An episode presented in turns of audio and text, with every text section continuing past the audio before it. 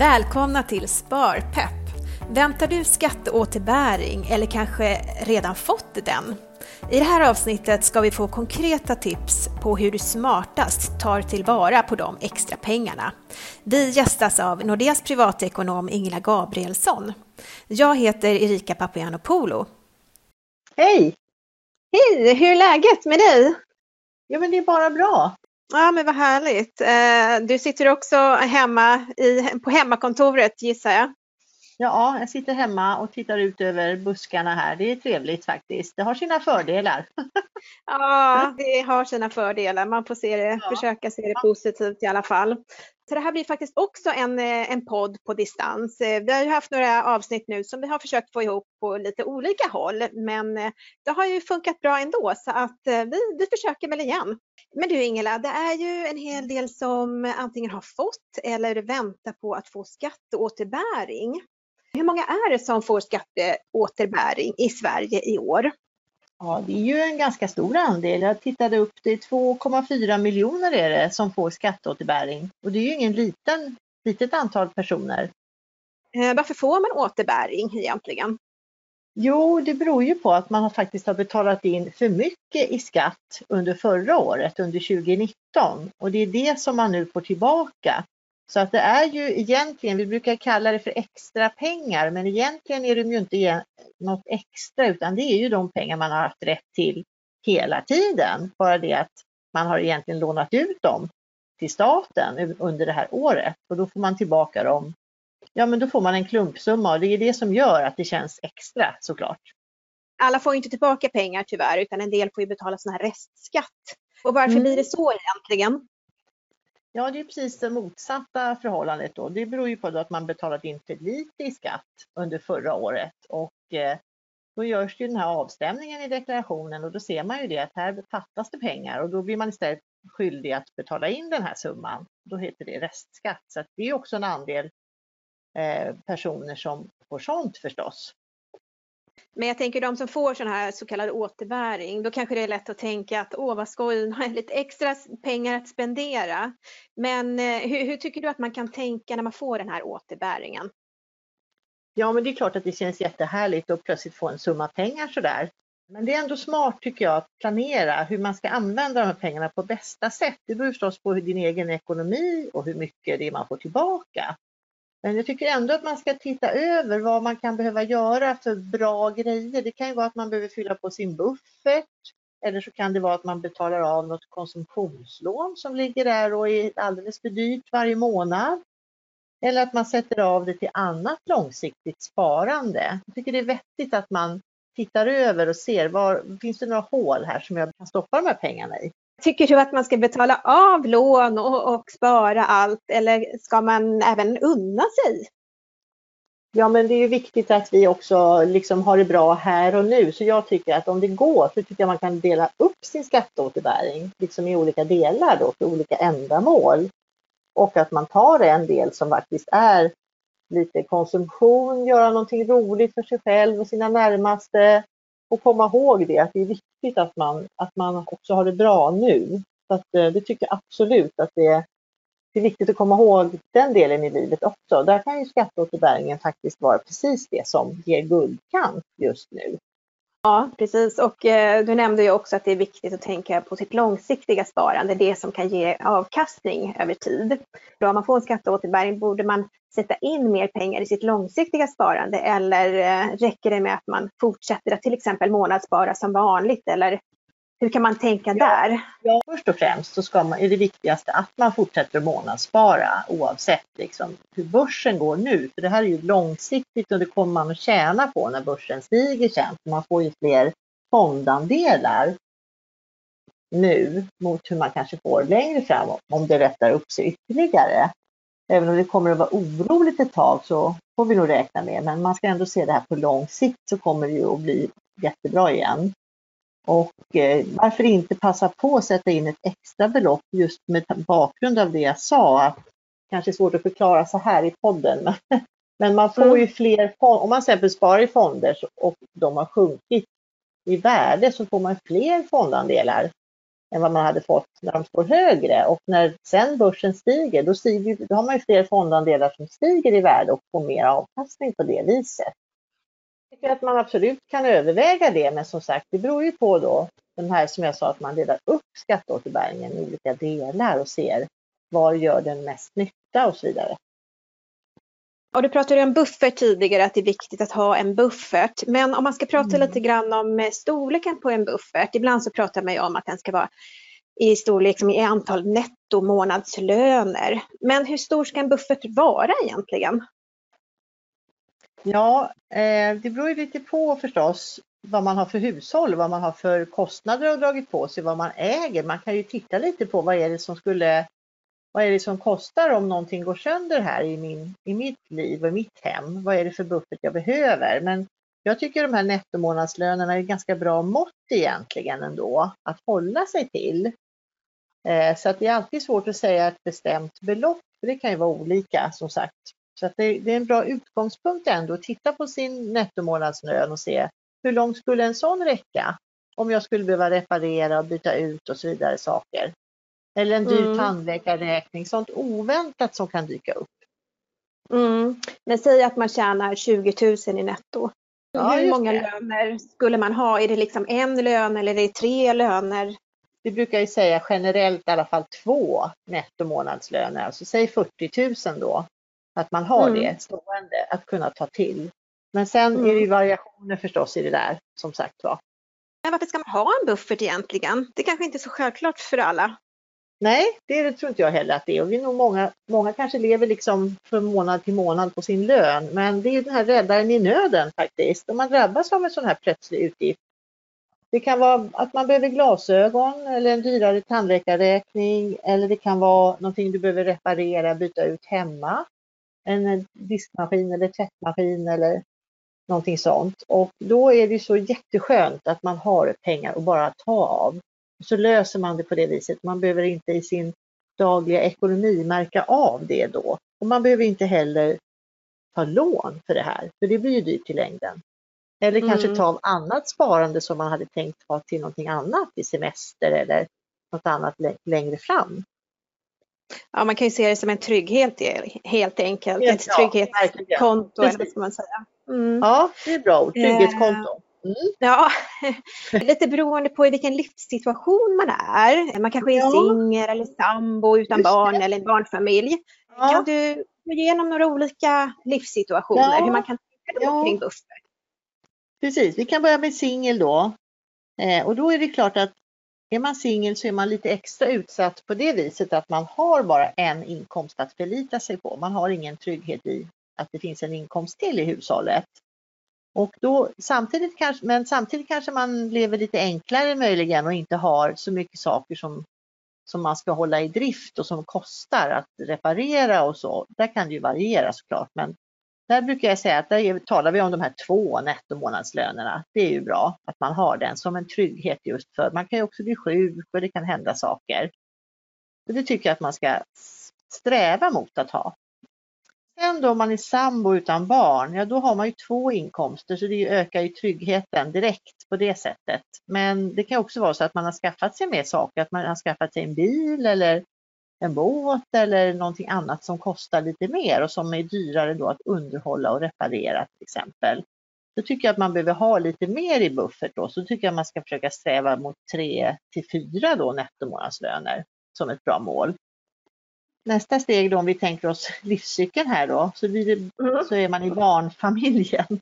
Och då, då är det ju direkt en barnfamilj, då har man ju direkt ett mycket större ansvar eftersom man också har ansvar för sina barn och deras väl och ve. Och det drar ju automatiskt med sig extra utgifter. Och dessutom när man är en barnfamilj så, så är det ju faktiskt så att man sliter mycket mer på sin bostad och allting eftersom man är fler. Och dessutom man behöver en större bostad och så vidare. Så där behöver man ju också ha en bra buffert och där tycker jag vi börjar prata om 4 till 5 nettomånadslöner som en bra trygghet. För att vara garderad för både egna oväntade utgifter för egen del och för barnens och för bostaden och så vidare. Eh, och sen mm. så småningom så går vi i pension då. och, ja. Eh, och då får man ju tänka att dagens pensionär är ju inte den som kanske sätter sig i gungstolen och sitter stilla utan dagens pensionär vill kanske egentligen fortsätta med ungefär samma livsstil som man hade innan man gick i pension. Och därför tycker jag att man ska fortsätta tänka också på det viset, att man kan tänka fortsättningsvis också i den nettomånadslön man hade som man utgick ifrån kanske och fundera då också över vilken livsstil ska man ha nu och framöver. Eh, och då kan det ju vara att man har rätt mycket som man har samlat på sig genom åren som kostar att ha kvar och kanske underhålla och så vidare. Så där tycker jag att 3 till 4 nettomånadslöner ska man absolut ha även som pensionär. Det kan ju vara extra viktigt faktiskt att man känner sig trygg då. Det, det, är ju liksom väldigt viktigt att man har den här bufferten och en sak som är väldigt viktig också är ju att när man har använt den, vilket man ju ska göra, ska man ju komma ihåg att fylla på den också igen. Just det. Hur, eh, hur gör man för att sätta upp en buffert? Du har jättebra tips här nu hur man kan tänka och så, men hur gör man rent praktiskt? Det, det bästa är att man sätter upp ett automatiskt månadssparande till, in till ett sparkonto som man öppnar då för att det ska vara ett buffertkonto. Och då bestämmer man en summa som dras varje månad när lönen eller pensionen kommer in och då tuffar det på och så fylls den där sakta på då. Så det är det bästa sättet att man genom att det dras direkt och automatiskt så behöver man inte tänka på det och de där pengarna tas bort direkt. Så att om du ska vänta till slutet på månaden och sätta av det som är över, det brukar vara svårt. Det brukar inte bli något över helt enkelt. Nej, man Därför ska man göra det i början och eh, ha den automatiskt och tuffa på tills man ser att nu, nu har jag faktiskt fått ihop de här månadslönerna. Då kanske man inte ska fortsätta för det kanske är onödigt och man ska inte heller ha för mycket pengar på sitt buffertkonto. Utan då ska man Nej. låta dem arbeta lite för sig och ge en bättre avkastning tänker jag. Ja men precis, det sa du innan också att det är viktigt att tänka på att man sparar på lång sikt också ju. Men det blir inte så mycket avkastning på den här buffertkontot om man har det på ett sparkonto. Nej, nej det är ju inte heller meningen kan man ju säga. Nej. Man kanske ska lägga till det då att det, avsikten med bufferten är ju just att de ska stå där, vara lättillgängliga. Men det handlar inte liksom om avkastning utan då ska man välja andra sparformer utöver bufferten sen. Ja, de ska ju finnas där om du behöver köpa en tvättmaskin eller någonting sånt Just direkt. Du sa att man ska fylla på ibland och så, man har gjort ett uttag, mm. men eh, hur ofta kan man se över bufferten? Ja, när man vet att man har den och så, då, då är det inte så mycket att se över utan då kan man känna sig ganska trygg med den. Men det är klart, vet man med sig att man har nallat av den kanske till någonting annat, det är väl inte helt omänskligt att man råkar göra det, så är det ju bra att man kommer ihåg att fylla på den och även om man har använt den för något större, någon större utgift så att säga. Eh, men en gång om året är väl alltid bra att titta till och se att det ser ut som, är jag nöjd med det här? Behöver jag fylla på den kanske? Har jag liksom ändrat min livsstil eller min livssituation så att jag behöver en större buffert nu? Det kan ju vara någonting man mm. kan behöva tänka på. Och just nu så ser våra vanor lite annorlunda ut. Vi går ju till exempel inte lika mycket på restaurang, på kalas eller reser på samma sätt som tidigare. Så det finns ju en hel del utrymme att spara. Finns det fler sätt att dra ner på kostnaderna? Ja, men det, kan, det, finns ju kanske en hel del att göra om man ändå är hemma. Jag tycker att jag märker att det blir ju lite tid över faktiskt på dagen som kanske annars gick till restid fram och tillbaka till jobbet. Och det är klart att man kan passa på att laga mat lite mer från grunden, baka bröd och göra sådana saker som det också sparar man ju pengar på. Eh, sen kan man ju också kanske hinna med att rensa lite hemma där i garderoberna och på vinden och i källaren och se, är det något man inte behöver som man kan sälja av? Det kan ju vara barnens cyklar och sådana saker som kan finnas efterfrågan på nu så här på våren. Mm. Det är mm. en sak. Det finns jättemycket man kan göra. Man kan också titta igenom sin egen ekonomi lite grann. Jag tänker med tanke på abonnemang och avtal och olika tjänster som man betalar för. Det är inte säkert att man utnyttjar dem tillräckligt mycket för att det ska vara värt det och då kanske en eller annan man kunde säga upp. Och där har man också lite pengar att spara in vi kanske inte använder det kommunala färdsättet eh, på samma sätt och då finns det ju en ganska stor kostnad varje månad att eh, spara in på det. Själva bara, bara SL-kort och liknande, absolut. Ja. Det, bara där är det ju liksom en kostnad. Ja. även luncher som man kanske äter ja. ute. Ta resterna från igår eller något sånt där. Så det, det finns faktiskt väldigt mycket att dra in på. Ja, det låter klokt. Men en helt annan sak, det är inte så långt kvar till mm. sommaren faktiskt och eh, det kanske är en hel del som ändå har börjat fundera lite på vad ska jag hitta på i sommar? Hur blir min semester i år? Ja, man kanske får tänka lite annorlunda eftersom att man förmodligen inte kommer resa utomlands till exempel. Hur kan man tänka?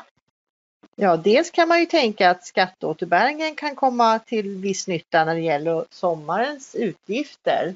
Eh, också. Eh, och sen tänkte jag att även om sommaren kanske inte nu kan bli som vi är vana så hoppas vi väl ändå att vi får en semester och kunna koppla av och göra någonting. Och då är det ju alltid, tycker jag, smart att tänka i förväg på den ekonomiska delen där. Och det kan ju gälla även barnen som är lediga från skolan och kan behöva göra saker som kostar och så vidare. Så att man tittar på sommaren och funderar över just hur, hur ser mina pengar ut och hur kan jag få det här att bli så bra som möjligt den här sommaren också. Så att vi mm, måste ändå våga tänka framåt och våga tänka att det blir en sommar faktiskt. Ja, precis mm. det blir det ju. Utan ja, tvekan. Man kan göra en semesterbudget till exempel. Ja, det är långt kvar till semestern ja. men man kanske ändå kan gå igenom lite och titta hur, hur kan en sån se ut? En sån budget? Man tittar på vad man tror att man får för kostnader och det kan ju vara så att en att eh, det blir en inte så dyr sommar om man tror att eh, man ska resa i Sverige men att det kan vara så att det kommer kanske rabatterbjudanden och sånt på boende, hotellboende och hyra stuga och sånt eftersom alla vill ju liksom nu att det här ska gå igång och det är viktigt för vår egen ekonomi att människor vågar semestra i Sverige och sådär och då kan det ju vara så att det finns bra erbjudanden om man vill boka någonting. Så att det kan ju vara väldigt positivt för ekonomin. Det är inte fel att börja tänka nu menar jag och också göra en budget då för vad man tänker sig att det ska få kosta så att man har satt ett tak för hur mycket har vi råd med den här sommaren. Ja, det låter ju smart. Vad, vad ska du själv hitta på i sommar? För mig är det enkelt då, för vi är ju alltid hemma. Vi åker alltid till vårt sommarställe på somrarna. Vi brukar inte resa någonstans direkt, för vi har det så bra där ändå. Även det är ju inte gratis liksom bara för att man vet vart man ska, utan det kostar ju alltid lite extra pengar och då kan det ju vara att man vill fixa med huset och man vill eh, bjuda vänner på, på besök och man vill göra saker, så att eh, göra utflykter och sånt där. Så att planen är ju klar, men däremot så måste man ändå se till att man har en budget för det. Vi brukar faktiskt eh, åka till värmen utomlands på somrarna oftast. Ja, ja. Eh, det har varit mysigt, men i år så, så håller vi oss hemma i Sverige och här i Stockholm med omnejd. Men jag ser faktiskt fram emot det. Det finns ju jättemycket man kan göra så att eh, jag håller på och kollar runt lite nu och ser vad vi kan hitta på för någonting.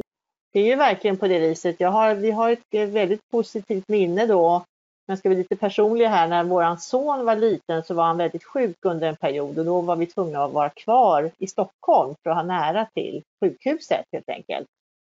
Och allting gick bra, men det var ju, det var ju liksom en speciell tid och då var vi ju tvungna att stanna i stan. Och då, fick vi, då lärde vi oss massa saker här, vad det finns att göra och mycket, hur fint det är. Så att det är ibland att man sticker så fort man är ledig, men det finns mycket att upptäcka, precis som du säger, när man nu kanske måste vara hemma av någon skäl. Man får bli lite turist i sin, ja. sin, i sin egen stad helt enkelt. Jag tycker att det var jättekul att du var med i Sparpepp idag och eh, mm. kom med jättebra tips man kan tänka kring sin skatteåterbäring och sin semesterbudget och eh, kring sin buffert och sitt långsiktiga sparande. Ha det ja, så tack bra. För det. det var kul. Ja, detsamma. Hej, hej. Ja. Tack för att du lyssnat. Du vet väl att du hittar mer info på nordea.se och i våra sociala medier.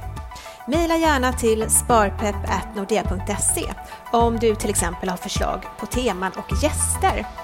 Ha en fin vecka!